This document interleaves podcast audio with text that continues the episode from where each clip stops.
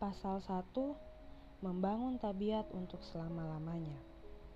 Saya mempunyai perhatian yang sangat mendalam terhadap orang muda, dan saya ingin dengan amat sangat melihat mereka itu berusaha sekeras-kerasnya untuk menyempurnakan tabiat-tabiat Kristen, selalu berhasrat oleh pelajaran yang sungguh-sungguh dan permintaan doa yang tekun untuk mendapat pendidikan yang perlu supaya dapat bekerja dengan sebaik-baiknya dalam ladang Tuhan.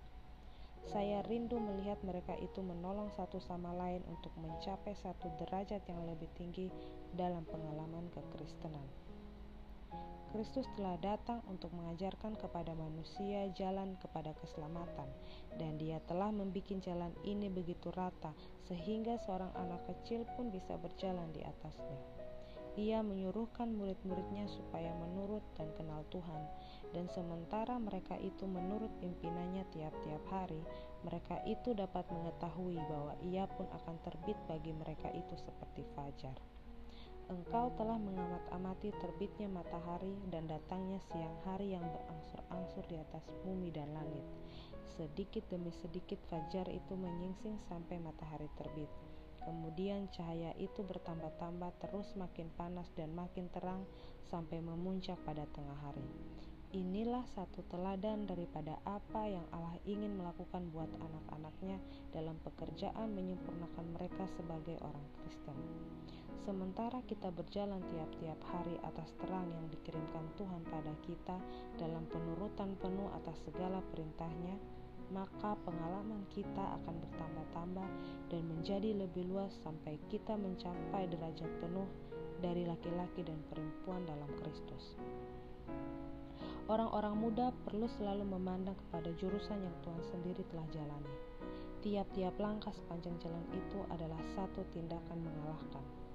Kristus tidak datang ke dunia ini sebagai seorang raja untuk memerintahkan bangsa-bangsa.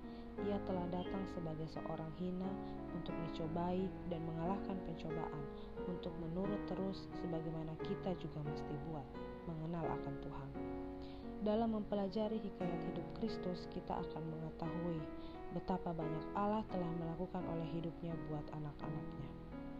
Dan kita akan mengetahui bahwa betapa besar pencobaan kita sekalipun tidaklah semuanya itu melebihi apa yang telah dirasai oleh Kristus supaya kita boleh mengetahui jalan kebenaran dan kehidupan itu oleh satu kehidupan yang cocok dengan teladan yang diberikan olehnya, hendaklah kita menunjukkan penghargaan kita akan pengorbanan yang telah diberikan olehnya buat kita. Orang-orang muda telah dibeli dengan mahal harganya, yaitu oleh darah anak. Pikirkanlah pengorbanan Bapa dalam membiarkan anaknya mengadakan pengorbanan ini. Cobalah pikirkan apa yang telah dikorbankan oleh Kristus pada waktu ia meninggalkan istana surga dan tahta kerajaan surga untuk menyerahkan dirinya menjadi satu korban harian guna manusia. Ia telah menanggung olok-olok dan penghinaan. Ia menanggung segala nista dan hinaan yang orang-orang jahat bisa tumpukan di atas dia.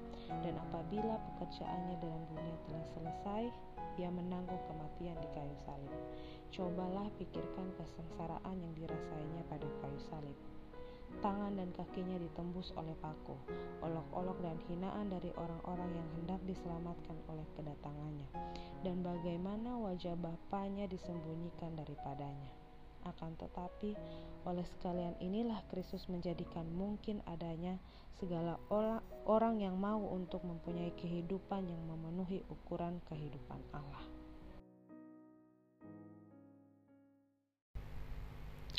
Satu sahabat yang setia. Pada waktu Kristus naik ke surga kepada Bapa, ia tidak meninggalkan pengikut-pengikutnya dengan tidak mempunyai bantuan apa-apa. Roh suci, dia punya wakil dan malaikat-malaikat surga sebagai roh berhikmat telah dikirimkan untuk menolong segala orang yang berperang dalam peperangan percaya melawan musuh yang amat kuat. Ingatlah selalu bahwa Kristus membantumu. Tidak ada orang lain yang mengetahui keganjilan tabiatmu seperti Dia mengetahui itu. Ia selalu menjagai engkau, dan jikalau engkau mau dipimpin olehnya, Ia akan mencurahkan sekelilingmu pengaruh untuk kebaikan yang akan menyanggupkan engkau menyempurnakan kehendaknya buat engkau. Dalam hidup ini, kita sedang menyediakan diri buat kehidupan yang akan datang.